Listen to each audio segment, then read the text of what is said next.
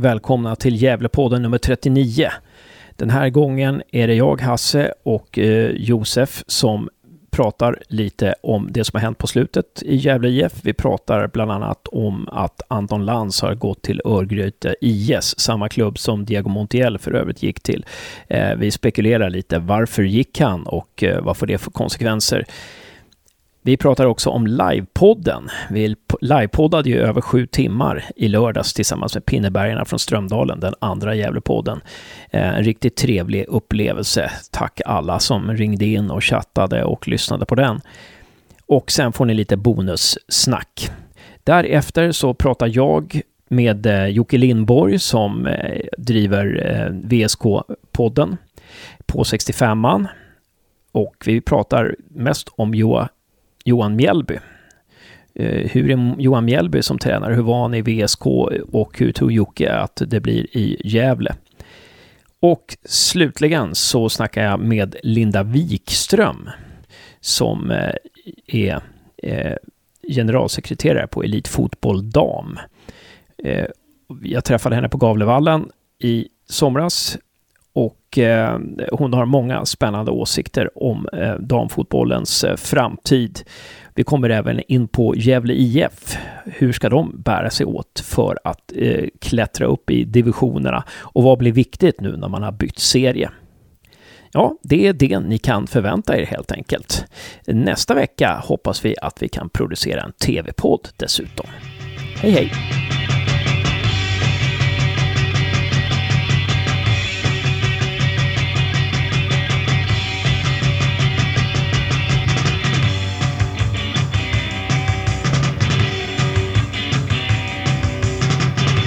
Ja, då sitter vi här hemma på Brynäsgatan, jag och Josef. Hur är läget Josef? Ja, det är bra faktiskt. Ja. Eh, jag bor ju hemma som sagt, det är väl det enda negativa just nu. just eh, och du har jobbat hela dagen, eh, precis som jag. Och vi sitter här och lite halvslöa och eh, sen har precis informationen nått oss att eh, Anton Lantz går till Örgryte. Vad säger du om det? Alltså sen när jag såg, efter att jag läste lite mer om nyheten, först tyckte jag det var väldigt konstigt att de släpp, eller att han väljer att gå till ÖIS. Men sen när man läser lite, och han, har ju, han är ju nästan från Göteborg, har spelat under Askebrand för, ja alltså det var inte så konstigt. Ja, egentligen. Att de får chansen att flytta hem, ungefär. Och sen är det inte konstigt av Gävle att de när de har konkurrens om en annan spelare, när det gäller ett gammalt kontrakt, så väljer de nog hellre att inte matcha lönen som erbjuds på andra ställen. För det är nog antagligen i de högre superettan nivåerna på lönerna. Och de tänker väl att för de pengarna kan man säkert få två spelare. Just det. Så att eh, du, du ser lite positivt på det också. Du tänker att det, det frigörs lite pengar helt enkelt där som ja. kan användas på bättre, att vi behöver spelare på andra positioner. Ja, men jag tycker om Lans väldigt mycket. Det var ju en väldigt bra back. Men ja, vi börjar... Jag hade faktiskt förväntat mig att vi skulle lyckas förlänga med Anton efter att Martin lämnar. Men nu måste vi ha rätt bra på spelarbudgeten i lediga, ledigt med pengar. Så nu borde man ju kunna hitta någon, en och annan stark back förhoppningsvis skulle väl ja, Fällman vara den optimala. Just det. Det har gått lite snack om Fällman i eh, forumet, men hur, hur pass realistiskt tror du att det är med Fällman? På en skala 1 till 10 kanske det är 10. Alltså, det ska ju väldigt mycket till att han väljer Gävle. Eh, men om man, får en, om man får en riktigt bra deal så kanske, kanske det kan bli någonting. Ja, men tror du inte han eh, också kan gå utomlands så tror du inte att liksom att vi snackar om en lön i 80 000 kronor i månadsklassen eller något sånt där när det gäller honom, eller? Han har ju varit utomlands nu och tjänat sina pengar. Och frågan är hur het man är på den svenska marknaden efter, efter att man har varit i Kina. Eh, och framförallt kinesiska andra ligan. Vi såg ju Bangura gick från kinesiska andra ligan till Dalkurd. Och inte ens där fick han ju förlängt efter massa var ju däremot väldigt mycket tragedier runt omkring han. Just det. Ehm, ja, så att eh, du tror att det kan bli så att vi frigör lite pengar för att eh, sk- köpa loss Fällman då. Vad, vad Ja, tror du? Vad Han sitter ju inte på någon kontakt. nej. Men, och där behöver vi en sign-on i så fall då. Ja, och sen är väl han håller ju på AIK. Ja, han håller ju på Gävle också vet man ju. Men man får ju hoppas att Johan Mjällby kanske ja, övertalar honom på något sätt. Mm. Alltså, En mittback spelar under en annan eh, klassisk mittback. Ja, det, det, vi får se hur det blir. Men ha, har vi inte nog med mittbackar? Vi har ganska många mittbackar. Jag har Ja. väl inte så många mittbackar. Ja, Björkman och... Eh, Ja, Björkman, Sarkovic, Gussman. Sen kommer inte jag på några fler. nej, kanske bara har dem. Så vi har inte så bra med mittbackar. Däremot mittfältare har vi väldigt bra med. Det har vi. Vi har en uppsjö mittfältare. Eh, så att eh, Montiel kanske inte är så stort tapp, men, men Lantz är en rutinerad eh, spelare också. Så att vi, vi tappar ju med Rauschenberg och Lantz så tappar vi ju två ver, verkligt eh, rutinerade mittbackar. Jag undrar hur billig Kim Skoglund skulle vara om det, om det är han som är på väg. Uh, för det ryktas ju om han i tidningen. Och det är ju lite konstigt för GIF vill ju ha in spelare som de kan sälja vidare i framtiden. Och Kim är ju 30 år. Ja. Hur pass sannolikt tror du det ryktet är? Som, det var ju trots allt Stig Åberg som skrev om det. Arbetarbladet. Det måste väl vara rätt sant för att, att överhuvudtaget hitta ett rykte om GIF är ju otroligt svårt. När man väl hittar ett rykte så har de ju hittills nästan alla stämt. Det var ju någon som skrev om Lantz för några dagar sedan så Vad säger du om eh, Kim Skoglund då? Om det skulle vara sant? Jag, jag tycker väl lite de här gamla sidor-spelen är lite jag har fått en lite halvtråkig bild av dem. Till exempel Busch Thor, Christer Gustafsson och Kim Skoglund. Jag har inte riktigt förstått deras storhet än. För de har, de har ju varit bra spelare antar jag. Men det är inte de som har gjort väsen för sig genom sin väg uppåt. Ja, men de har ju varit, de, de har ju just varit de här som har, som har tagit Sirius uppåt. Och, eh, men, men det är klart, det är inte de här, det är ju inte de här, det är inte en sån här Diego Montiel, eh, Bayram skillnad de kommer göra. Men en eh, hårt arbetande lagspelare eh, är ju Kim Skoglund. Eh, både en offensiv och defensiv kraft. Eh, en spelare som var på väg till Gävle IF eh, redan under Pelle Olssons tid faktiskt, men som valde Sirius. Jag tror han kom till Sirius 2011 eller någonting och har varit med Sirius klättring upp i divisionerna här. Eh, Jag men, tror också att jag sa i någon gammal podd förresten att Gävle behöver någon ledartyp som vet hur det är att vinna någonting. Och det har ju Kim Skoglund gjort. Så det, på det sättet kan det vara väldigt, väldigt bra. mm. Och jag tänk, tänker att det måste ju finnas, ingen rök utan eld alltså. Eh, det måste ju vara någonting mer eh, om Stisse skriver. Stisse skulle ju aldrig skriva sådär självsäkert om det inte fanns någon sanning. För visst var det väl Stisse som skrev den krönikan va? Jag är rätt säker på det. Stisse eller Martin Löv. Mm. Ehm, och eh, sen så, våra konkurrenter värvar ju här. Vi har ju, eh, eh, var det Abubakari som var på väg, som, hade, som skulle gå till Helsingborg eller? Abubakar gick dit ja. Ja, det är en s- väldigt stark värvning. Eh, samma sak, eh, Öster plockar ju tre spelare från Värnamo. Eh, man plockar ju Fredrik Lundgren, nu eh, presenterades idag. Och eh, eh, Silka eh, har man ju också plockat därifrån. Och sen så var det någon mer också man tog. Så att det är också starka Sen- papper. Lämnar ju Petrovic i Värnamo för BP. De fick ju in Rafael York nu. Mm. Värnamo får in Ja. honom med. Ja. Och det var ju inte så konstigt egentligen. Om man, Nej. Varför, tror du, varför tror du att York valde Värnamo? ja, han sa i deras pressmeddelande att det var för Jonas Tern. Och det är ju väldigt vanligt att man använder Värnamo som språngbräda uppåt. Och det är ju garanti på att man, lyckas man där så är det nästan garanti på att du antingen hamnar i Elfsborg eller i en större klubb. Vad tror du att Värnamo fick betala Sandviken för York då? Om du skulle bara... Jag vet Dra inte, till. han satt, han satt ju säkert på någon out så. 150 000 kanske? Ja, du tror att det är, det är så pass lågt i alla fall? Ja. Okej, okej. Eh, är det, snackar vi någon uh, sign-on där eller? Vi, sagt, vi snackar nog kanske mer en vida försäljningsprocent. Som Okej. Sandviken har. De kanske har 30 procent eller något sånt där. Ja, men sign-on då? Du tror inte York själv krävde Jo, en sign-on? det är Kallbäck som är agent och Kallbäck är en skithård förhandlare. Han, han är väldigt bra på att få ut väldigt mycket pengar till sina klienter. Så Ja. Men vad Men tror konst- du? Vad tror du då? Vilken sign-on tror du att han fick då? ja, inte så mycket. Eh, Värnamo är eller inte heller de som kan dela ut de största sign-ons. Jag tror att det är större chans att, att han fick eh, löfte om speltid. Okej. Det tror jag. Kanske 30 000 sign-on och löfte om Ja, speltid. någonting sånt där alltså. En månadslön. Um, Okej, sen har vi läst också att uh, Dusan Juric förlänger kontraktet med Gais. Eh, och det är väl inte så mycket att höja på ögonbrynen för. Det är väl ganska väntat. eh, och uh, Dusan Juric har väl inte gjort något, något större väsen av sig i Superettan, eller? Nej, inte vad jag vet. Jag tycker det är ingen spelare som står ut längre. Eh, men eh, vi får se. Eh, jag har faktiskt skickat iväg ett sms till eh, Per Lagerström för att kolla läget om han hade något silly här som vi kunde släppa redan idag, tisdagen. Men jag har inte fått svar än. Får jag svar av, av honom, så ett positivt svar, så kommer ni få in det i den här sändningen. Men jag tvivlar på att det blir någonting nu ikväll. Ehm, men pam, pam, pam, pam. Det, var, det var det. Då ska vi gå iväg till den här...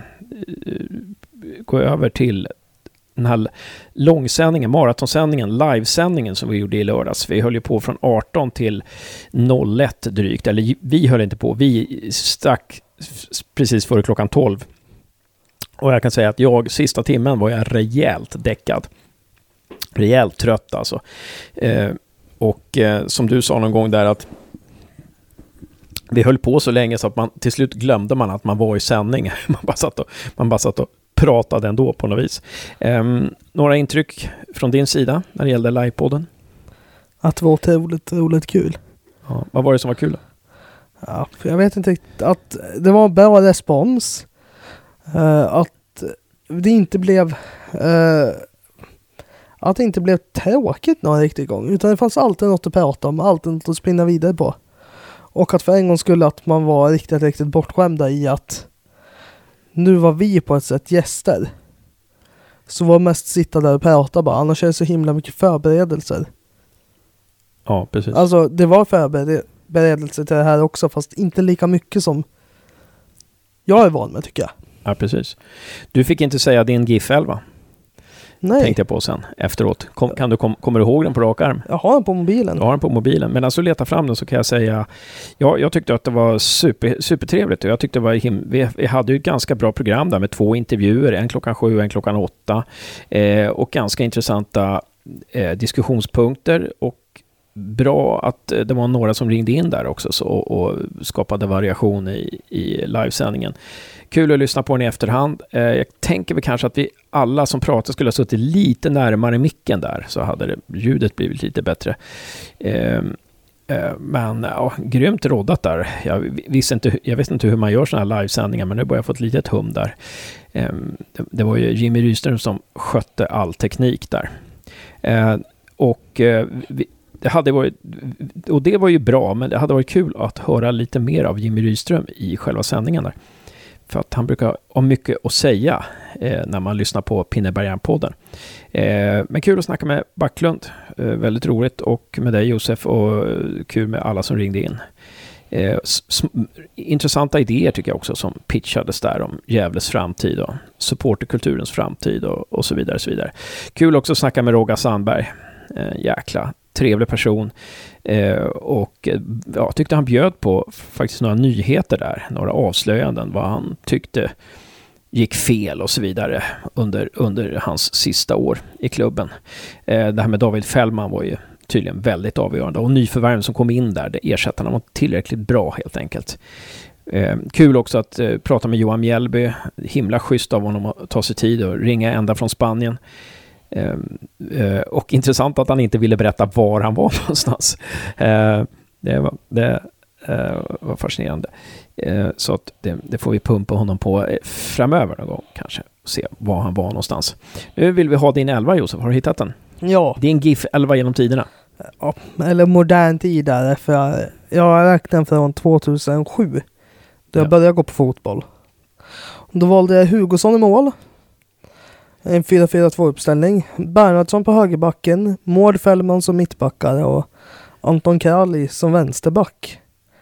Ja, Kralj som vänsterback var väl det mest det man kan diskutera mest här är väl eh, för att jag har inte varit med om att någon har gjort sån stor impact på ett lag tidigare från just vänsterbacken. Ja, Dahlén har ju varit bra men sen har vi haft ett, ett mediokert i utstående spelare just där. Sen i mittfältet så tar vi Makondela, Chibsa, Voxlin och Lanto. Ja, behövs nog inte säga så mycket mer där. Och på topp Oremo Javo. Ja, ja bra elva. V vem hade du på högerbacken? Eh, Bernhardsson. Ja, just det. Ja, men det, det är en bra elva. Det är en väldigt bra elva. Ehm, mm, och, ehm, men Gert fick stryka på foten han. Gert var bra i lite för kort tid. Ja. Han var bra ett halvår i GIF, knappt. Eh, eller bra var men han gjorde ju skotta in mål under ett halvår. Eh, väldigt, väldigt mycket, men inte så mycket mer.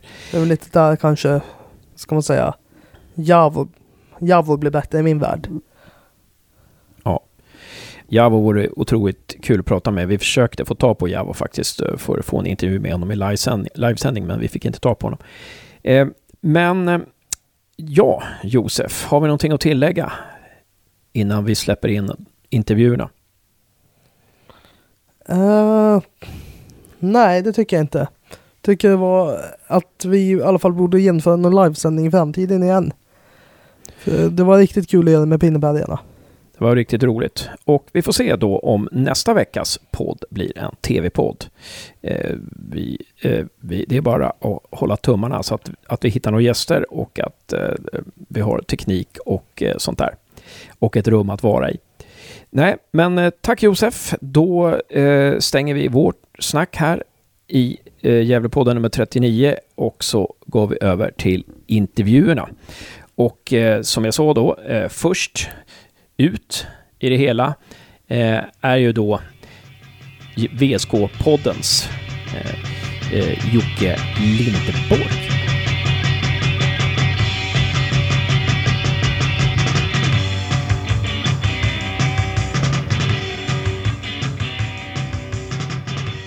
Välkommen till Gävlepodden, Jocke Lindborg från VSK-podden. Ja, tack så mycket. Tack. Och er podd heter ju På 65an. Är det, är det, är det syftar det på 65ans buss eller någonting sån här, som går ut i Rocklunda, eller hur? Nej, det, det syftar på eh, Bistro 65 heter eh, stället som vi brukar sitta och hänga på. Ah, just. Eh, så vi brukar kalla det för 65an bara, sådär i, i folkmun så att säga. Just det, just det. Bara, bara hoppas att de inte byter namn på stället nu då, så att de måste byta namn på podden. Ja, men precis. Nej, det är lite, lite farligt sådär, men ja, nej, då får vi väl lösa det i så fall. Ja, men grymt. Eh, kul att lyssna på. Ni kör ju både fotboll och bandy där. Eh, VSK är mm. klassiskt både, i båda sporterna. Precis. Jo, men det, det blir det. Och vi brukar händer det någonting, vi har ju även en bowlingförening, så händer det någonting där så brukar vi eh, nämna det också, men det är inte så ofta det gör det. ja, just det. Just det. Men, och eh, VSK är en klassisk förening då, eh, Celtic-randigt, eh, eller om det är Celtic som är VSK-randigt, det vet jag inte. Men, men det är en klassisk klubb och nu har ni fått in lite kulor här med eh, Nilsson Lindelöf till United och lite sånt där. Eh, hur, hur, känns det, i, liksom, hur, om vi bortser från det här med Johan Mjällby som vi kommer till, hur, hur känns stämningen sådär i, för VSK Fotboll? Ja, men det känns väl, eh, jag tycker, alltså det, det, det, känns, det känns bra att göra det. Alltså, det, det är skönt, eh, om man, om man tänker tillbaka ett par år så var vi ju på väg att gå i konkurs. Vi stod ju verkligen där liksom på ruinens brant och skulle ha in eh, ja, 600 000 på någon månad eller vad det var. Annars så var det liksom tack, tack och hej.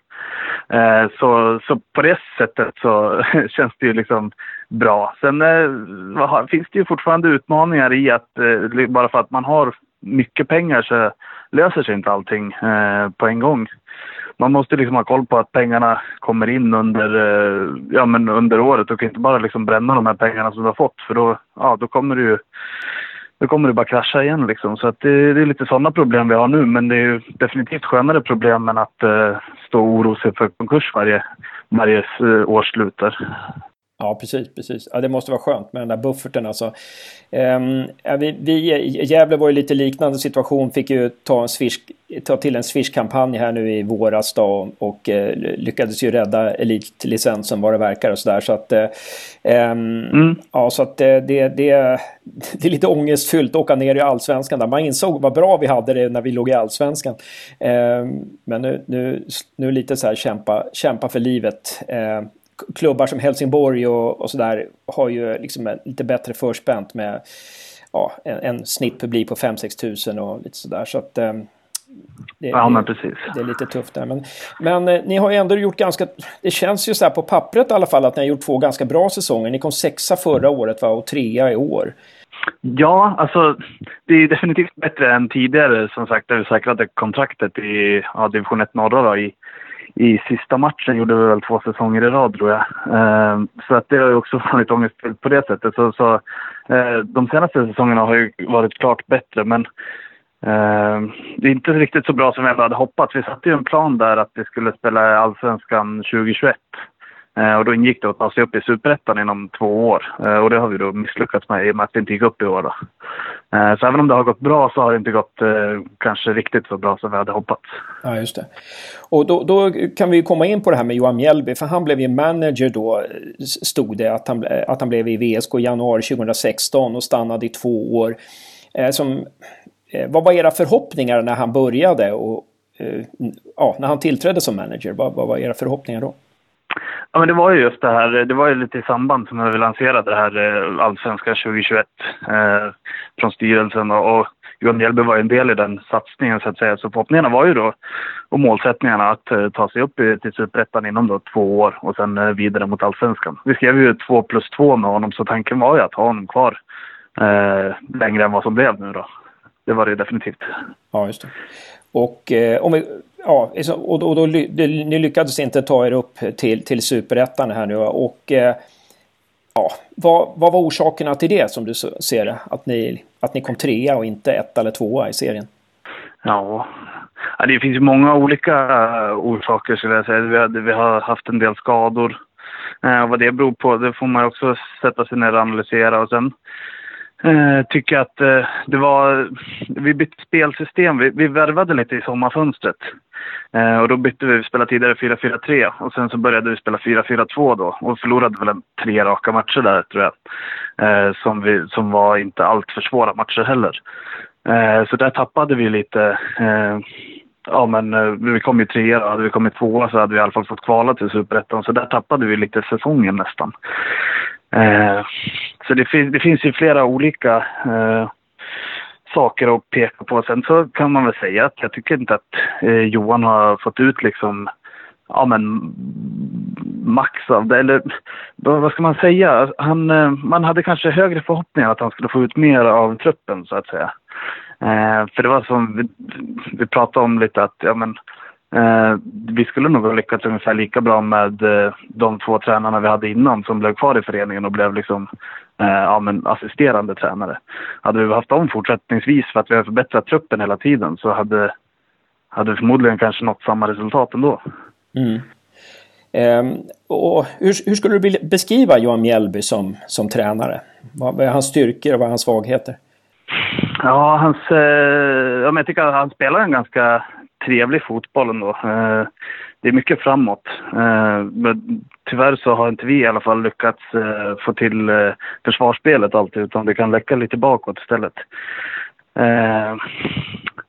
Sen tycker jag väl att han han kan vara lite halvdålig matchcoach sådär. inte jätteaktiv och händer att han gör lite konstiga byten och så. Sen var, var det väl en del eh, eh, i början där som han... Man, man kan ju säga så här att han... Det märks att han går en tränarutbildning i alla fall.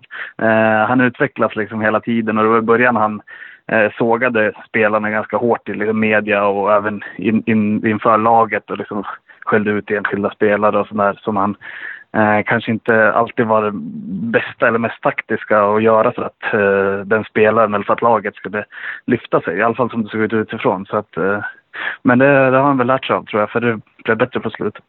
Ja, just det.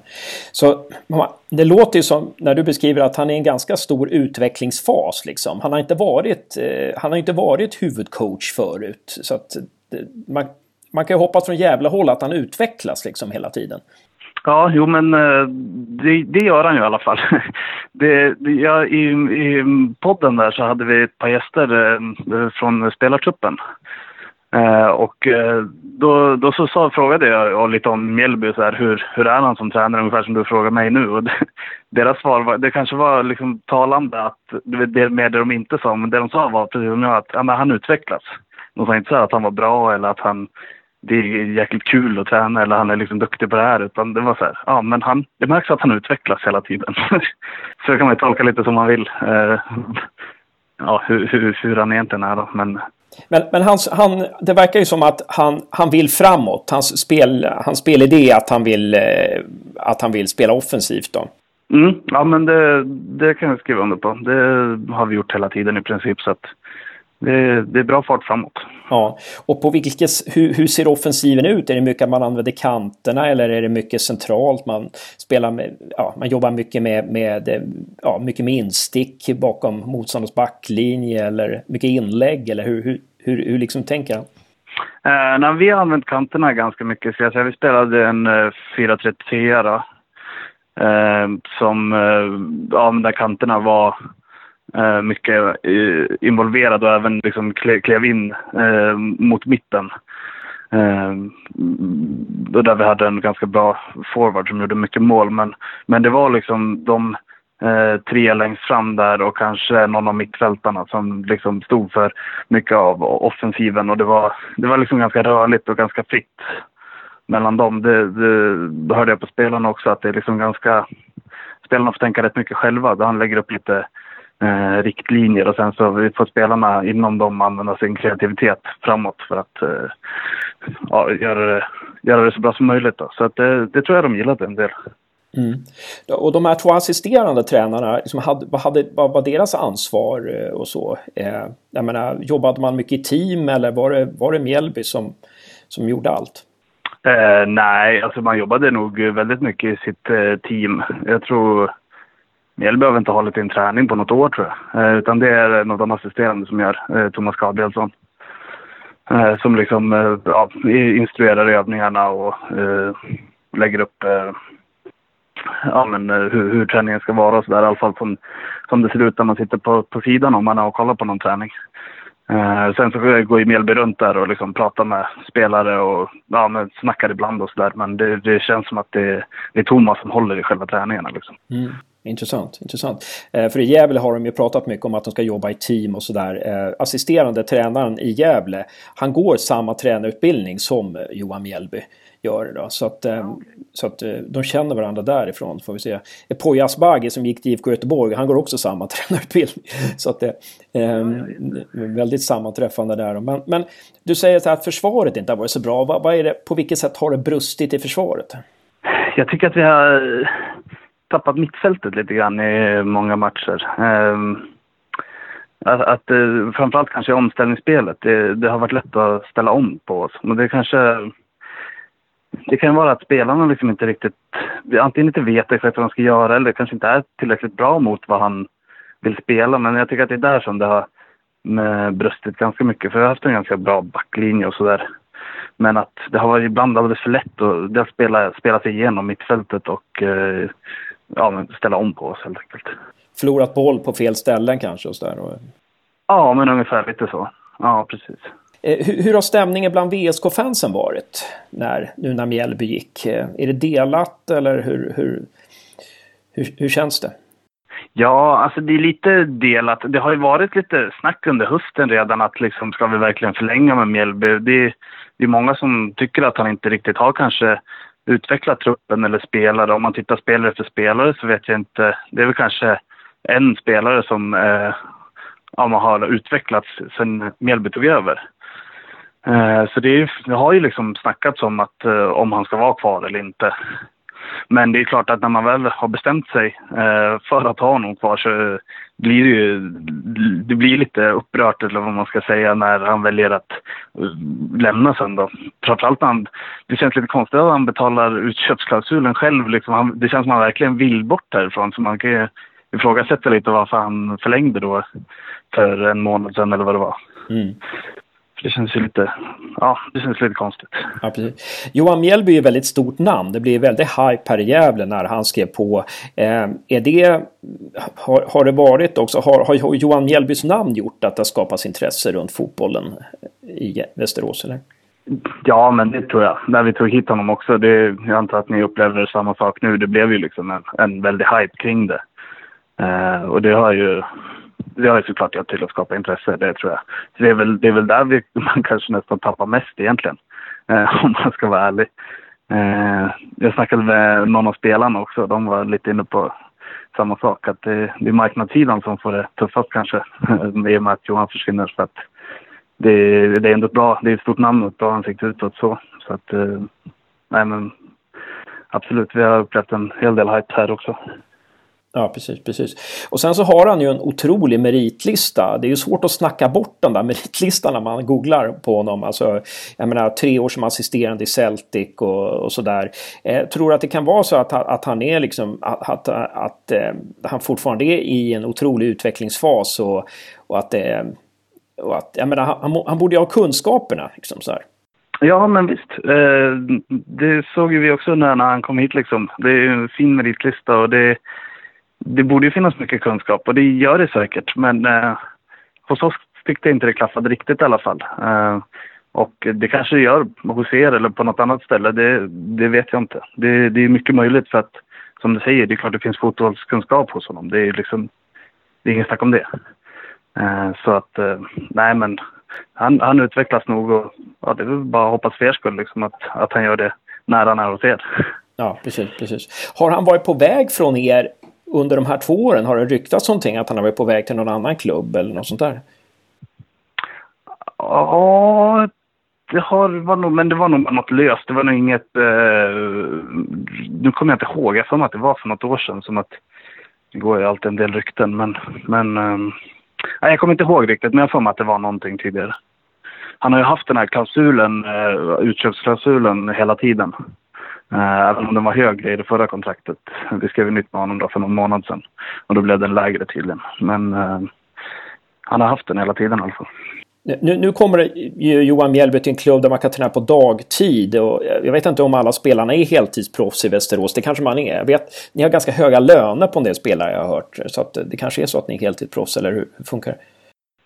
Nej, uh, det är nog det, det, det, börjar väl bli det mer och mer, men än är det inte så att alla är det. Det är ganska långt ifrån. Så att, ja, men det är några stycken som eh, lever på sin fotboll nu som vi, vi tog in i somras där. Eh, som, som du säger, eh, vallönerna är ganska höga, men det är långt ifrån alla som lever på sin fotboll. Så vi, vi kör ju träningar 16.30 till 18 på vardagar vanligtvis.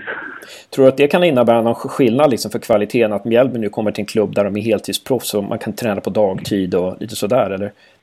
Ja, det är mycket möjligt. Jag menar, ju, ju bättre förutsättningar man har ju, ju bättre, eller ju, ju större chanser att man lyckas liksom. Och det gäller ju eh, för allting. Nu, Johan har ju kommit till en klubb då som vi som inte liksom är helt professionell än. Eh, och det är klart att eh, det är inte heller vad han är van vid. Eh, så att det, det, det, kan ha blivit någon liten mismatch där, absolut. Ja.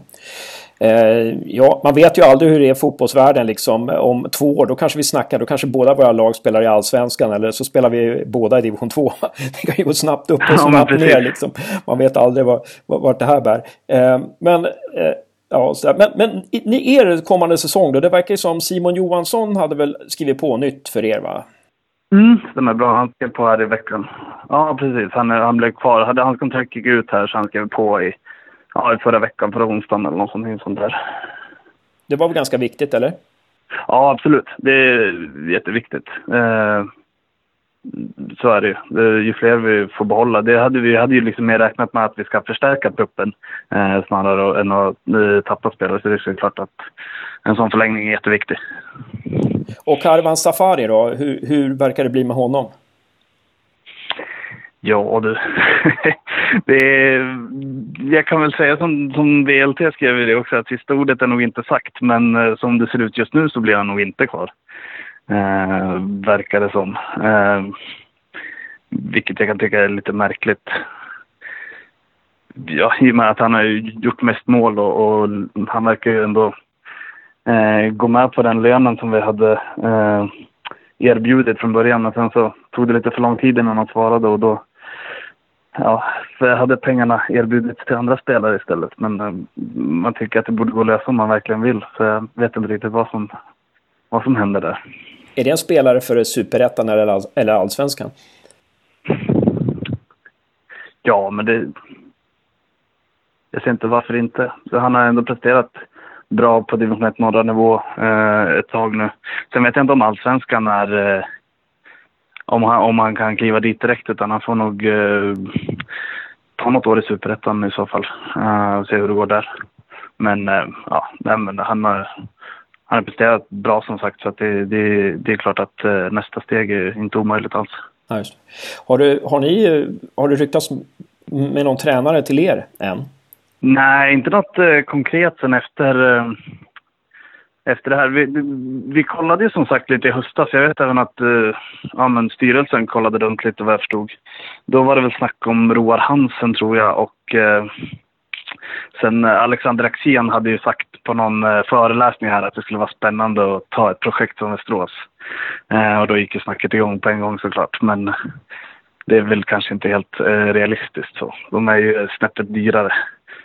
Ja, så, precis. Men det är inte, jag har inte heller hört någonting då sen, sen det blev klart att Johan lämnar.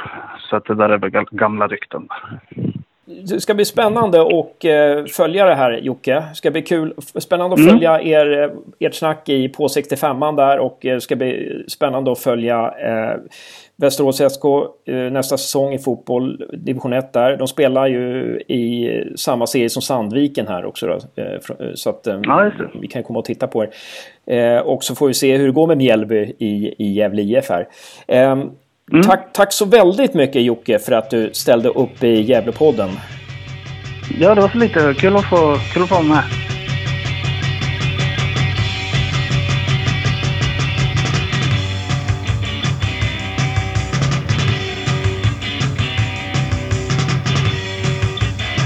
Välkommen till Gävlepodden nummer 39, Linda Wikström.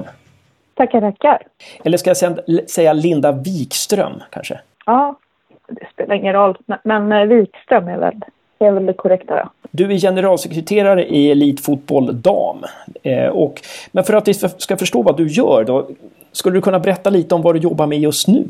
Ja, just nu så vi är ju, jag är generalsekreterare för en intresseorganisation för damallsvenskan och elitettan. Och eh, just i dagarna nu så är det ju mycket planering inför 2018, både när det gäller Eh, medierättigheter för att se till att vi tillgängliggör eh, livebilder och, och material eh, inför material eh, för både damallsvenskan och elitettan.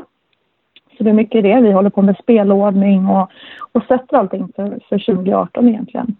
Så vi är redan inne i, i den här säsongen. Eh, så det, det, är väl det som vad dagarna går till just nu. Eh, så det, som intresseorganisation så jobbar vi mycket med att försöka lyfta damelitfotbollen och samt även jobbar med lobbying, då, det vill säga att skapa mer kunskap runt om fotbollen och, och lyfta viktiga ämnen. Och samtidigt också jobba med, ett, eh, med, med samarbetspartner och media etc. för att hela tiden lyfta serierna. Då. Ja.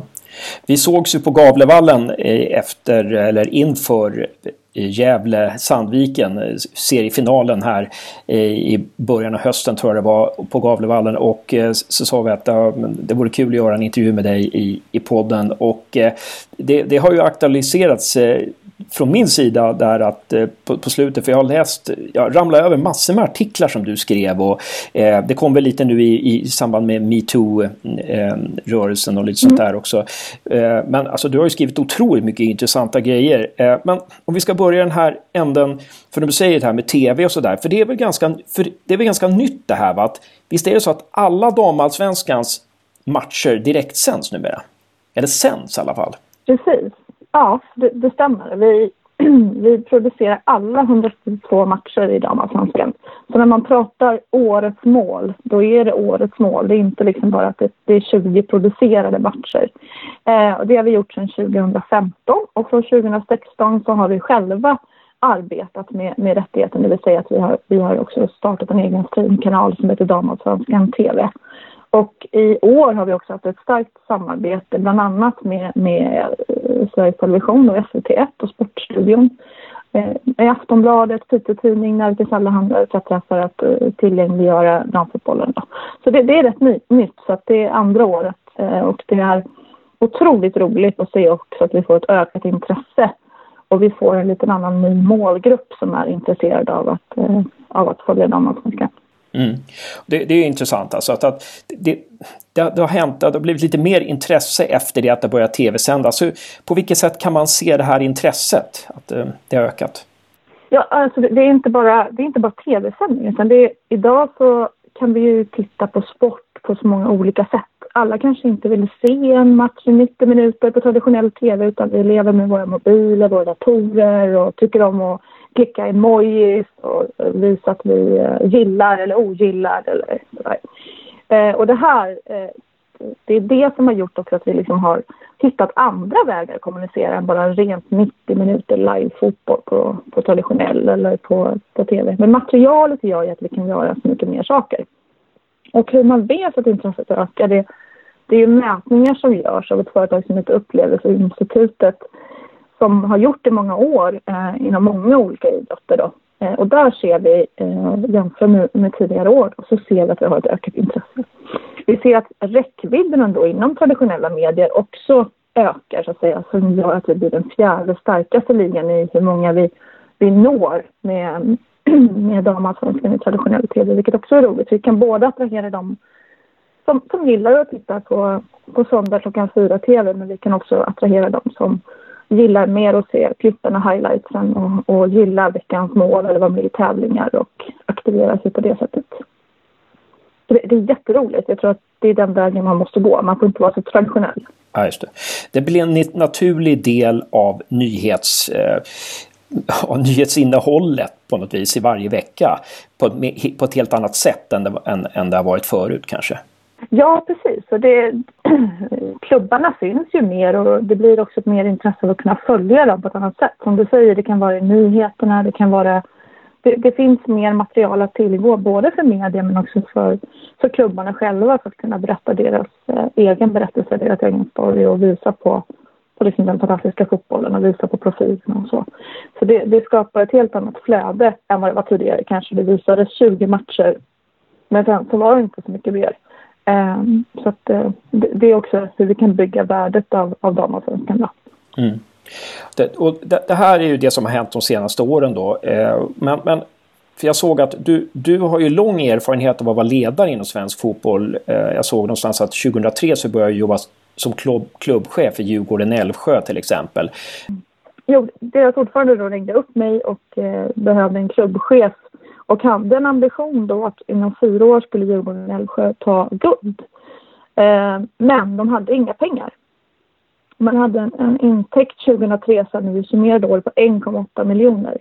Eh, och jag tyckte att det här var en sån otrolig utmaning. Eh, jag såg det som en investering. Jag hade kompisar som tog ut sina sparpengar och åkte till Australien och surfade. Men jag tog ut mina sparpengar, slutade på, inom mediebranschen och eh, hoppade på det här helt enkelt. Och det är nog min bästa investering jag har gjort i, i mitt liv. För då kom jag in i en process i, när verkligen damklubbfotbollen tog sin vändning. Vi hade EM i, i USA där landslaget spelade eh, final mot Tyskland. Eh, och eh, efter det tog det snurr. Vi, vi tog guldet 2003 med en omsättning på 1,8 eller intäkter på 1,8 miljoner. Vilket är helt omöjligt. Det är ingen annan klubb som har, har lyckats med det. I alla fall inte på 2000-talet. Redan då låg Umeå väldigt högt i omsättning på ungefär 8, 8 nästan 9 miljoner i, i intäkter. Men vi andra låg långt efteråt. Så att det som har hänt från 2003 är otroliga steg. Eh, tittar man intäktsmässigt bara de senaste säga, de senaste tio åren så har vi liksom fördubblat våra, eller bara de sju senaste åren så har man fördubblat intäkterna in i damallsvenskan. Eh, vi har idag heltidsanställda tränare Vi har ungefär var fjärde spelare är idag eh, har sin totala inkomst ifrån fotbollen som möjliggör att spelarna kan, kan utöva idrotten på ett annat sätt. Men vi har naturligtvis fortfarande utmaningen till att de inte kan utöva den fullt ut allihopa 100 procent. Eh, vi har mer professionella organisationer där alla klubbar har ett kansli och en klubbchef. Så att, och det hade vi inte 2003. Det var, det var långt ifrån det. Det var en väldigt amatörnivå. Eh, så att det, det är en fantastisk resa på de här åren. Vi brukar ju säga att vi är väldigt unga. Jag menar, det, första landskampen inom damfotbollen spelades 1974. Så det... Var det Sverige-Åland eh, eller vad var det? Ja, precis. Sverige-Finland var det väl oavgjort var det väl där va? Eh, om jag inte minns fel, tror jag. Och, eh, men det, det har hänt jättemycket sedan 2003 och jag, har, jag är otroligt eh, glad att jag har varit med om både på klubbsidan vi tog guldet med, med Djurgården Älvsjö 2003, 2004 och vi spelade då Women's Cup som idag är Champions League. Eh, och tog ett silver och spelade cup och liknande. Så det, det var en otrolig resa och fantastiskt att få, få vara så nära en klubb som Djurgården Älvsjö och i den förändringen och de spelarna vi hade då var, var helt fantastiskt. Mm. Och, och det, är ju, det är ju helt suveränt det här med damallsvenskan och elitettan. Det är ju, det är ju, det är ju verkligen status åt, även åt näst högsta serien sådär. Så att eh, det, det är ju otroligt bra, smart eh, seriesystem där.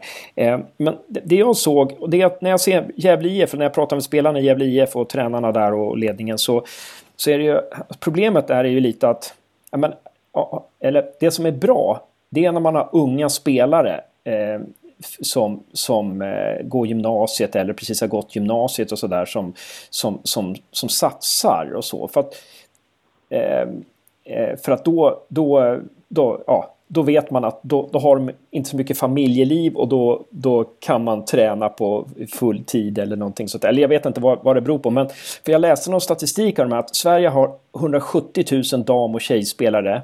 Men Alltså vid 19 till 25 års ålder så är det bara 29 procent av de 170 000 kvar. Eh, och det där kan ju inte vara så himla bra. Alltså, varför blir det så och, och vad betyder det liksom för, för fotbollen? Det är, det är väl den, eh, tyvärr den trenden vi ser inom, inom ganska många idrotter oavsett om det här eller damidrott så, så ser vi, jag tror att snittåldern på en idrottare idag i Stockholm är 11 år. Eh, och det är en jättestor fara. Eh, inte minst om vi tittar folkhälsomässigt. Eh, jag, jag håller ju på med, med fotbollen och, och det är för att jag brinner enormt för föreningslivet och vad föreningarna gör. Inte bara det de utför ute på planen utan bara, både det vad gäller hälsoperspektivet men också med, med allt med värderingar, värdegrunden, eh, den, den sammanhållningen och eh, ja, aktiveringen på det sättet som, som jag tror är jätteviktigt i ett framtida samhälle. Så det är en jättestor utmaning till att vi får fler som utövar idrott längre. Man pratar om ett livslångt idrottande på, på RF exempelvis då, att vi, vi ska kunna idrotta mycket längre och inte se det bara som en barn och ungdomsaktivitet. Och tittar vi på, på de satsningarna som Gävle gör i Elitettan och de allsvenska klubbarna när det gäller elitsatsning om man vill ha landslagsspelare så tror jag att det som vi har sett också historiskt är att som flicka när du spelar fotboll så är det väldigt svårt att se hur du kommer upp till elitettan damallsvenska landslaget. Du ser att du kommer till utvecklingsläget och sen har du inte fått så mycket mer. Då är du kvar i division 2-miljön. Här har vi ju ändrat matchmiljöerna ganska mycket på flick och damsidan bara senaste åren. Elitettan skapade vi 2013. Det är en väldigt ung serie. Det är den yngsta serien vi har inom svensk fotboll.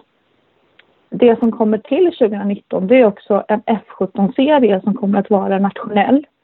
Eh, där också det blir möjlighet för, för, för flickor och, och kvinnor att, att spela fotboll Eh, ytterligare ett steg att se. Man har inte sett den här trappan. Den har varit så otroligt tydlig på pojksidan, men den har inte varit det. Det har inte funnits de här matchmiljöerna för tjejerna att kunna utvecklas i.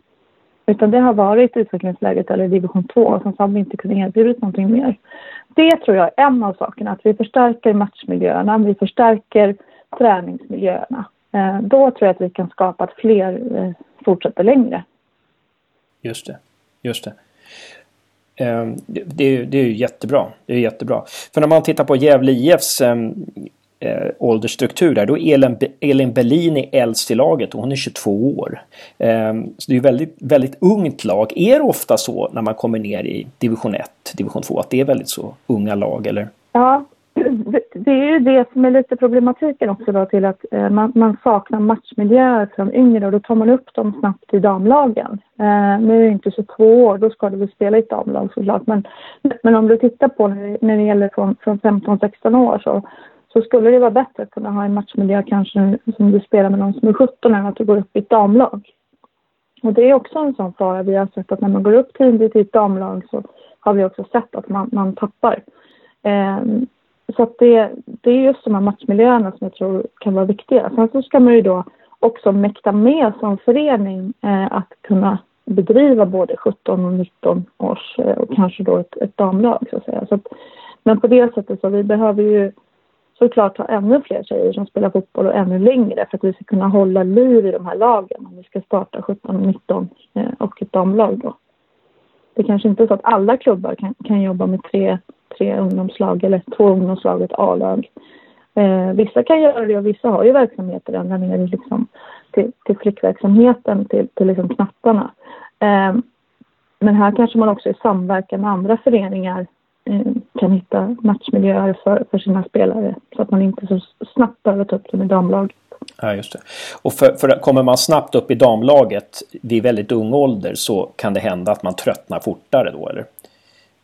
Ja, det kan det vara. För det kan ju vara de som kanske är, är mer fysiska än vad du själv är. De är äldre, de har kanske mer erfarenhet, vilket kan vara viktigt. Och det har vi sett att det, det, det är en av de sakerna som liksom, man lotsar in de unga in eh, med de äldre och rutinerade och erfarna. Men kanske inte, inte som en hundraprocentig matchning. Utan, eh, och att istället för att sitta på bänken så är det bättre att de exempelvis ut och spelar F17 eller en F19-serie istället. Så matchmiljöerna har ju blivit bättre och kommer bli ännu bättre tror jag när vi nu kör igång en F17-serie 2019 i svensk fotboll. Mm. Sen såg jag att 7% av tränarna av värld, tränarna, fotbollstränarna i världen är kvinnor då. Eh, och eh, alltså så att de flesta damlag har ju manliga tränare. Eh, tror att, jag tror att tror att det skulle liksom vara bättre för utvecklingen om det blir fler Eh, kvinnliga tränare. För, ja, kanske för både här och damlagen, men jag tänkte framförallt för damlagen. Ja, eller för att vi ska ha fler dam, kvinnor som eh, vill bli tränare så är jag säker på att man måste eh, inse och öppna upp en arbetsmarknad som inte bara handlar om damfotboll. Eh, frågan tycker jag handlar om, om vi säger att jag skulle vara, eller att jag känner för att göra tränarutbildningen och göra den, den, de nivåerna som, som är de högsta nivåerna som också kostar en del att gå den utbildningen. Och så vet jag idag att jag har en otroligt liten arbetsmarknad så jag vet att jag kan räkna bort hela herrfotbollen. Utan jag då ska slåss med, med, eh, med damfotboll i Europa eller i Sverige som fortfarande inte vi i, i damallsvenskan har ju heltidsanställda eh, tränare så att säga. Eh, men marknaden är ju ganska liten för att du ska få ett bra jobb. Eh, och varför ska jag då investera i en sån stor utbildning om jag inte vet att det finns en arbetsmarknad efteråt? Eh, så att för att vi ska få fler kvinnor som, som vill och, och som ska ha möjlighet att kunna gå tränarutbildningen så måste vi också se till att, att herrfotbollen börjar öppna upp till att ta in kvinnor som, som tränare. Jag tror att det är, det är inte en, en, fråga för oss enbart inom damfotbollen utan det är en fråga för hela fotbollen. Sen kan man göra det på olika sätt. Vi har diskuterat om man skulle kunna titta på, på ett stipendiedel eller, eller liknande. Men oavsett tror jag att är det så att det inte finns en arbetsmarknad för det, eh, det, det, är inte jättemånga som går utbildningar om porslinsmålare heller idag för det finns inte ens en efterfrågan på arbetsmarknaden. Och vet du från början att det är en begränsad marknad så då, då sitter vi här med våra, jag tror att vi har sju eller nio stycken kvinnor som idag är pro, eh, näst högsta då, eller högsta utbildningen på tränarutbildningen. Eh, och eh, här vill vi naturligtvis bli bättre, men då, då behöver vi oavsett om det är dam eller herrklubbar så, så ska man släppa in eh, kvinnor som tränare. Ja, här har väl Svenska Fotbollförbundet, eller vilka är det som har ett stort ansvar här? Alltså att eh, det borde vara helt naturligt på något vis att, att man tar in, att man kvoterar in nästan kvinnor i, i eh, tränar, på tränarutbildningarna. Alltså, och...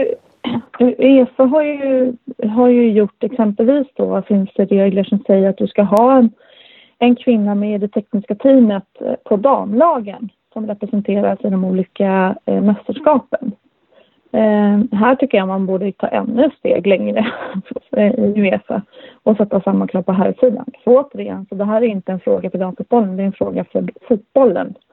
Eh, däremot så vet vi att det, det är en lång väg till att Uefa med internationella perspektiv skulle liksom sätta in en sån regel för herrlagen. Det, det är mycket politik och eh, kulturer som ska som ska brytas för det. Men jag tror att det är viktigt att, att se det här som en, en fotbolls, gemensam fotbollssatsning och inte en enskild damfotbollsfråga.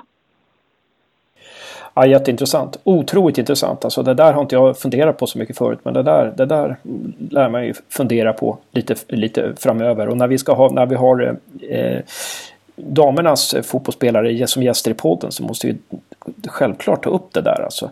Eh, och även, även av herrarnas gäster som gäster i podden skulle vara intressant att ta upp det där. Eh, men om vi kommer över in lite på Gävle IF här. Ehm, som att Gävle IFs damer, de har ju vunnit sin serie nu och division 2 gått upp i division 1 och, och det finns en väldig framtidstro här nu. Och, och vad, vad, vad, vad, tycker du är det viktiga här nu för, för att behålla den här framtidstron när man, liksom när man pratar om organisation och, och träning och rekrytering och belöningar och, och, så vidare? Jag tror att eh, det finns ett lag inte så långt ifrån Gävle som heter Ljusdals IF som har tagit steget upp i Elitettan. Eh, och man har i, i ganska många år, eller i alla fall under en fyraårsperiod, har haft en ganska stabil eh, eh, spelartrupp, i alla fall de senaste två åren. Man har haft en ledarstab som har varit densamma. Man har skapat kontinuitet. Vi, vi har ju sett det i många olika, exempelvis i Linköping förra året när de tog sitt guld så hade de en långsiktig strategi på under fyra år att, att verkligen bygga ihop laget och, och lyckades eh, med, med att ta det här guldet. Eh, precis samma sätt som, som Ljusdal har gjort. Jag tror att det är jätteviktigt att, att tillsammans bygga, bygga på det här för att då ta nästa steg och också eh, veta vad det är som, som väntar om, om, om var vill man? Alltså var vill man upp i elitettan? Eller är man, eh, vad krävs av, av föreningen? Men framförallt det att det är de som har en starkare organisation och en tydlig strategi och en vision eh, har vi ju sett eh, kommer längre och eh, är också mer mogna till att ta de här stegen. Och det har mycket Elitettan gjort ska jag säga. Vi har en utmaning. Det, det är den ekonomiska delen för Elitettan eftersom att Sverige är så långt. Så reser vi bort väldigt mycket pengar. Vilket är tråkigt. Men sportsligt och organisatoriskt så är det starka klubbar som, som jag tycker också att division 1-klubbarna är helt annat när de kommer upp i Elitettan idag än vad man var tidigare i norr och söderettan. Samt att när klubbarna väl då kommer upp i, i damallsvenskan så är de mycket mer förberedda. Vi ser ju det också nu åker ju Kvarnsveden och KIF Örebro ut och KIF Örebro mycket har, har varit länge. Men jag tror en, en försöka få en kontinuitet och liksom att, att de jobbar gemensamt det här laget som de nu har, har tagit sig vidare från division 2 upp i ettan. När de tagit första steget, vad är nästa, nästa steg så att säga? För det blir ju tajtare ju högre upp de kommer såklart. Mm, man måste förtydliga det ganska konkret. Vad är nästa steg? Liksom definiera det. det ja, det tror jag. Mm. Jag menar, Gävle är en, en Gävle IF är ju en, en gammal anrik förening med, som har eh, stora erfarenheter av, av elitnivå på, på här sidan inte minst. Eh, så jag menar det här, det här är ju säkert inget, inget nytt för, för dem som klubb och jag har ju haft äran att få jobba med Per Lagerström på, på olika sätt så att säga. Så jag har ju sett här i Hammarby om inte annat. Eh, och jag tror att man behöver få den här entusiasmen och, och lyfta damlaget eh, för vad de har gjort. Vilket jag också tycker att Gävle IF, när man bara kommer in på arenan så, så ser du både dam och herrspelarna eh, väldigt tydligt. Och det här tror jag också är jätteviktigt för att det här laget ska, ska känna stolthet och att de verkligen är en, en viktig, viktigt lag för att eh, kunna sätta Gävle IF på en, en potentiell eh, elithimmel även på damlaget. Mm. Jättebra. Men du sa också det här med vision, att man har en vision, att man enas om vision. Det, det, det där kändes också rätt viktigt när du sa det, att en, man behöver ha en vision. Eh, vill du utveckla det? Ja, alltså det, ibland kan jag känna att vi, eller det är väl också det som har blivit skillnaden de senaste åren. Att när jag började med damfotbollen så var det mycket martyrkofta och man, man bad nästan om ursäkt. Man, man höll fram lilla hatten och så frågade man om man kunde få en krona eh, så att våra tjejer kunde få spela lite fotboll. Eh, och jag har lite svårt med den där martyrställningen. För det, det är inte synd om svensk damfotboll på det sättet utan vi, vi, behöver visa stolthet och visionerna var ofta så här, ja men vi ska kanske, vi ska behålla samma position vi hade förra året eller vi ska se till att inte ramla ur eller eh, de som var lite framåt och, och hade någon vision om att vinna Champions League, de, de tittar man ju ganska så här konstigt på ungefär värre än man kanske gjorde med Östersunds FKs ordförande. när han gick ut och sa att de skulle spela Champions League. Men jag tror att det är jätteviktigt för att de ska, för att man ska se att det, det är möjligt idag att kunna ja, kunna ta sig upp eh, och både som, ja, var än du är i, i Sverige så ska du kunna spela elitfotboll på, på damsidan. Och har man en tydlig vision om på vad vi vill och varför vi vill det. Varför har vi ett damlag och varför, vad vill vi? Vad är vi nöjda? Är vi nöjda bara att de kanske är kvar i division 2 eller vad, vad vill vi ha för ambitioner med det här laget? Då tror jag att det blir en helt annan del utan att liksom jag tror man kommer längre med, med en tydligare vision. Absolut inte att vara naiva. Men en, en framtidstro som faktiskt hänger ihop med hur, hur samhällets vindar idag blåser, så att säga. Men en vision, det ska vara liksom, det ska inte bara vara, ja vi ska ha kul. Det är inte liksom en vision, utan vision, det ska vara en vision som, som, som gör att eh, alla känner att, eh, ja, att man jobbar emot på något vis då.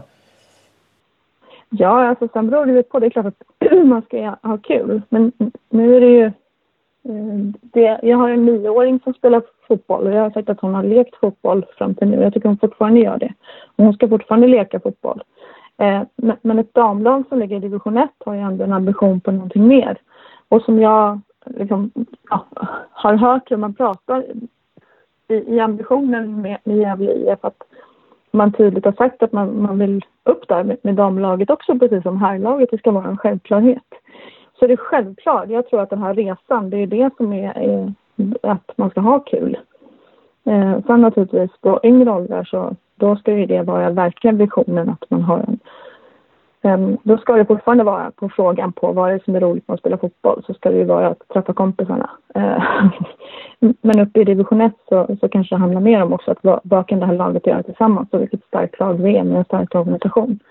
Ehm, så det är klart att visionerna ändras beroende på vad du, ja, vilka ambitioner du har med laget. Men jag tror att man inte, man ska inte använda martyrskapet som Eh, för det tror jag bara kan sänka en. Utan ta med sig den styrkan man har. Då tror jag man kommer att ha roligt på vägen. Ja, precis. precis. Det är jätteintressant. Eh, där kan man ju prata om hur mycket som helst om det. Det är nästan ett ämne i sig det där. Eh, det, det, jag tänkte också på det här du sa, för det har du skrivit också om att det här med att det behövs ett mer ekonomitänk inom damfotboll, som att det reser upp alla sina pengar liksom. Eh, men då tänker jag på det här med sponsorer. Finns det sponsorer som bättre får ut sin produkt än att sponsra damfotboll tror du? Oj, det var en bra fråga. Jag, jag, jag tror det. Jag, jag tror att eh, vi, vi har lite andra värden eh, som man kan nyttja som partner idag. Vi brukar oftast prata om att du har en annan närhet till, till spelarna, till laget, organisationen.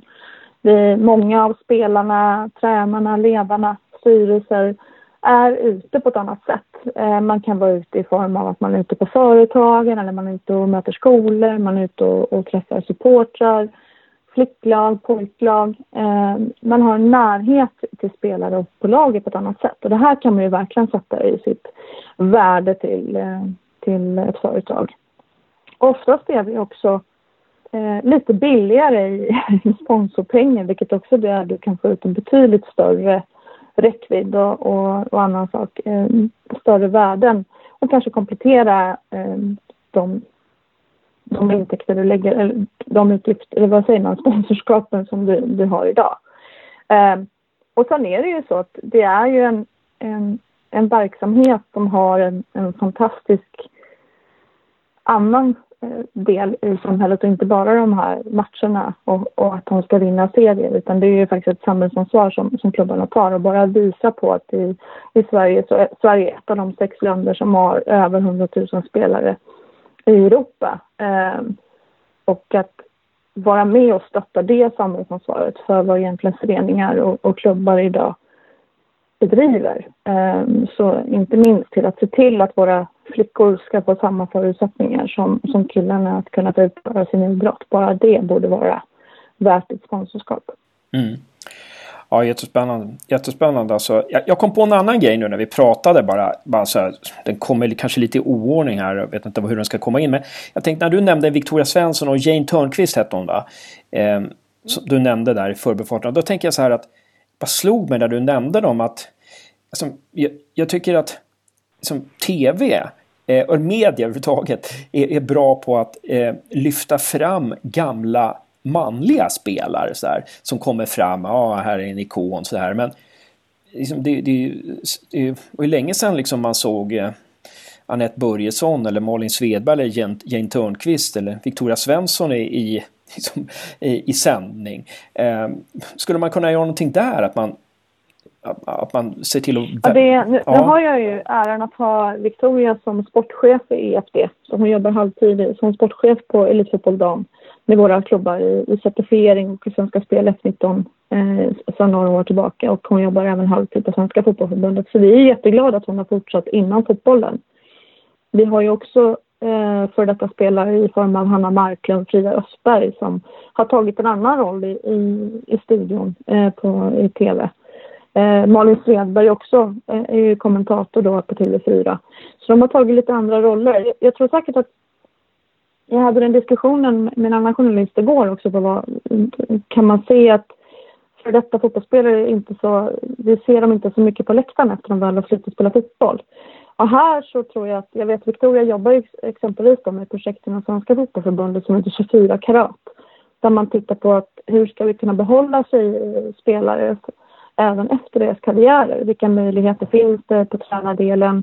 Och jag är också, vurmar ju mycket för att eh, de här, de måste kunna få se och öppna upp till klubbchef eller sitta med som i styrelser. Vi har nu Therese Sjögran som är sportchef i FC Rosengård.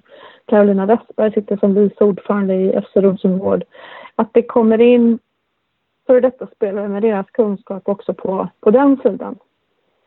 Det, det är någonting som, som jag brinner mycket för själv, att, att försöka behålla de här för de har en otrolig kunskap och otrolig erfarenhet och vi vet också att spelarna, elitspelare, är väldigt, väldigt drivna och driftiga i det de tar sig till. Så att, och de har mycket att, att kunna ge.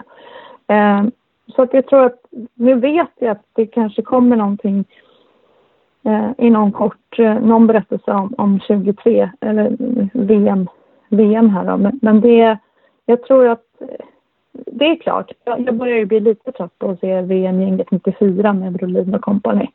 Ingenting illa om dem. Det var en otrolig bragd de gjorde. Men eh, absolut, så de, de lyfte ju absolut inte VM-finalisterna 2003 lika mycket. Men det är också för att vissa av tjejerna har faktiskt eh, självmant egentligen valt en annan väg än, än att fortsätta med fotbollen eller tacka nej till inbjudningar och så. Så det, det, måste man också respektera. Ja. Jag tänker det måste ju vara, liksom vara liksom stärkande för unga tjejer som spelar fotboll och ser liksom att ja, men man kan spela fotboll och så kan man liksom fortsätta med fotboll efter karriären. Att det liksom eh, ja, att det är någonting värt på något vis. Så där. Eh, men för jag, jag, till exempel, jag, ja, jag, jag saknar ju Malin Svedberg.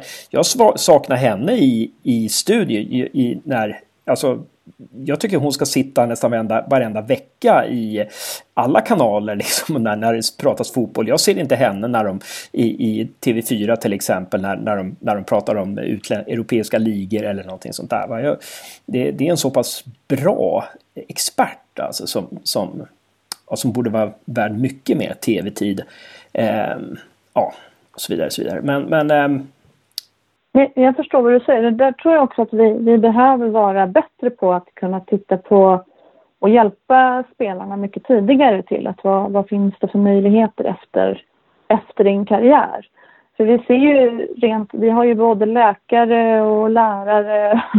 De pluggar till, till otroligt många olika yrken när, när de spelar elitfotboll för att just att de tänker på framtiden på det sättet. Här vill jag kunna föra den diskussionen tidigare eh, med och, och berätta vad, vilka vägar finns det inom fotbollen att kunna ta efteråt. Och vissa känner att jag har gjort mitt nu men kanske vill komma tillbaka. Då måste det kunna vara möjligt att, att hitta tillbaka på, på olika sätt. Då. Kanske inte alla vill bli tränare med naprapater men det finns, finns andra delar då, eh, som du säger. Eh, men här måste vi också se till att eh, vi redan från början jobbar med spelarna på det sättet då, med, med mediaträning eller, eller liknande då. Eh, så, så, det är klart att det att man kan göra det på otroligt många olika sätt. Men, men det är klart, fler, fler spelar och jag tror att eh, jag hoppas att vi kommer att se ännu fler eh, av den, eh, säger de, de som är lite yngre då än, Bicken och Jane och kompani. Eh, att, att det blir en förändring kanske. Ja, precis, precis. Ja, nej, men det, det är ju jättebra det här med damallsvenskan i tv och damallsvenskan elitettan, den eh, grejen och eh, ja, landslaget får ju verkligen fokus och sådär så det, det känns eh, himla bra. Nej, men otroligt eh, intressant att prata med dig Linda. Eh, är det någonting som du vill lägga till som du tänker att ja, det där vill jag ändå prata om? Eller ska vi ta det nästa gång? vi, får ta, vi får väl ta det nästa gång. Uh, vi har ju ett stort ämne som, som är jätteviktigt och det är väl att, att uh, flickor och pojkar får samma förutsättningar för att idrotta. Så det, det, det, kan vi väl ta under ett valår om inte annat. Ja, just det. Jag såg det, där, jag såg det där också att fördelning av skattemedel mellan pojkar och flickor är 80-20. Att uh, det, var, det, verkar, det, fin, verkar, ja. ja. det verkar finnas mycket att göra där. Liksom. Då kanske man kan fråga sig varför vi, varför vi tappar tjejer när de är så unga också. Ja, precis. precis. Intressant. Mm. eh, ja. Eh, ja, men jättebra. Eh, slutligen då, eh, Linda. Vad tror du om Gävle IFs chanser nu då? Att, eh, de har ju fått in några nyförvärv och de vann ju sin serie i division 2 där utan att förlora en enda match. Eh, vad ger du Gävle IF för chanser att även vinna division 1 och gå upp i elitettan? Alltså det, det är ju lite, eller division 1 har också blivit starkare av att den också har smalnat av då så att säga. Eh, jag tror att Gävle IF kommer att ha bra chanser i division 1. Eh, jag ser verkligen fram emot att se dem. Nu såg jag dem mot Sandviken och sen har jag följt det bara via nätet egentligen då. Men eh, jag ser verkligen fram emot att, att följa Gävle och jag, ja, det vore kul att se dem i alla fall i, i, eh, i toppen av av tabellen, i alla fall i, som topplag, eh, när vi slutar serien. Eller att de är med och kvalar då. Det är en av de serierna som faktiskt är så att vi fortfarande behöver ha kvalet kvar.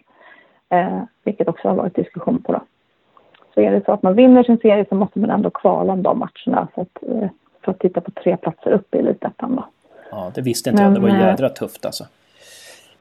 Det är faktiskt det. det men, men det vi, I dagsläget så, så är det svårt att, att kunna göra på något annat sätt än att vi skulle flytta ner sex lag från elitettan. Och som sagt var, elitettan är väldigt ung. Eh, det här formatet på division 1 är väldigt ungt. Men det förs naturligtvis diskussioner på att det inte är... Det finns väl nästan ingen, nu ska jag inte säga det, men just den serien, i alla fall på damsidan, så är det ju så att du inte går direkt upp för att du har vunnit din serie, utan du måste kvala. Ja. Tack så väldigt mycket för att du var med i Gävlepodden nummer 39, Linda Wikström. Tack så mycket för att jag fick vara med. Det var jättekul att prata.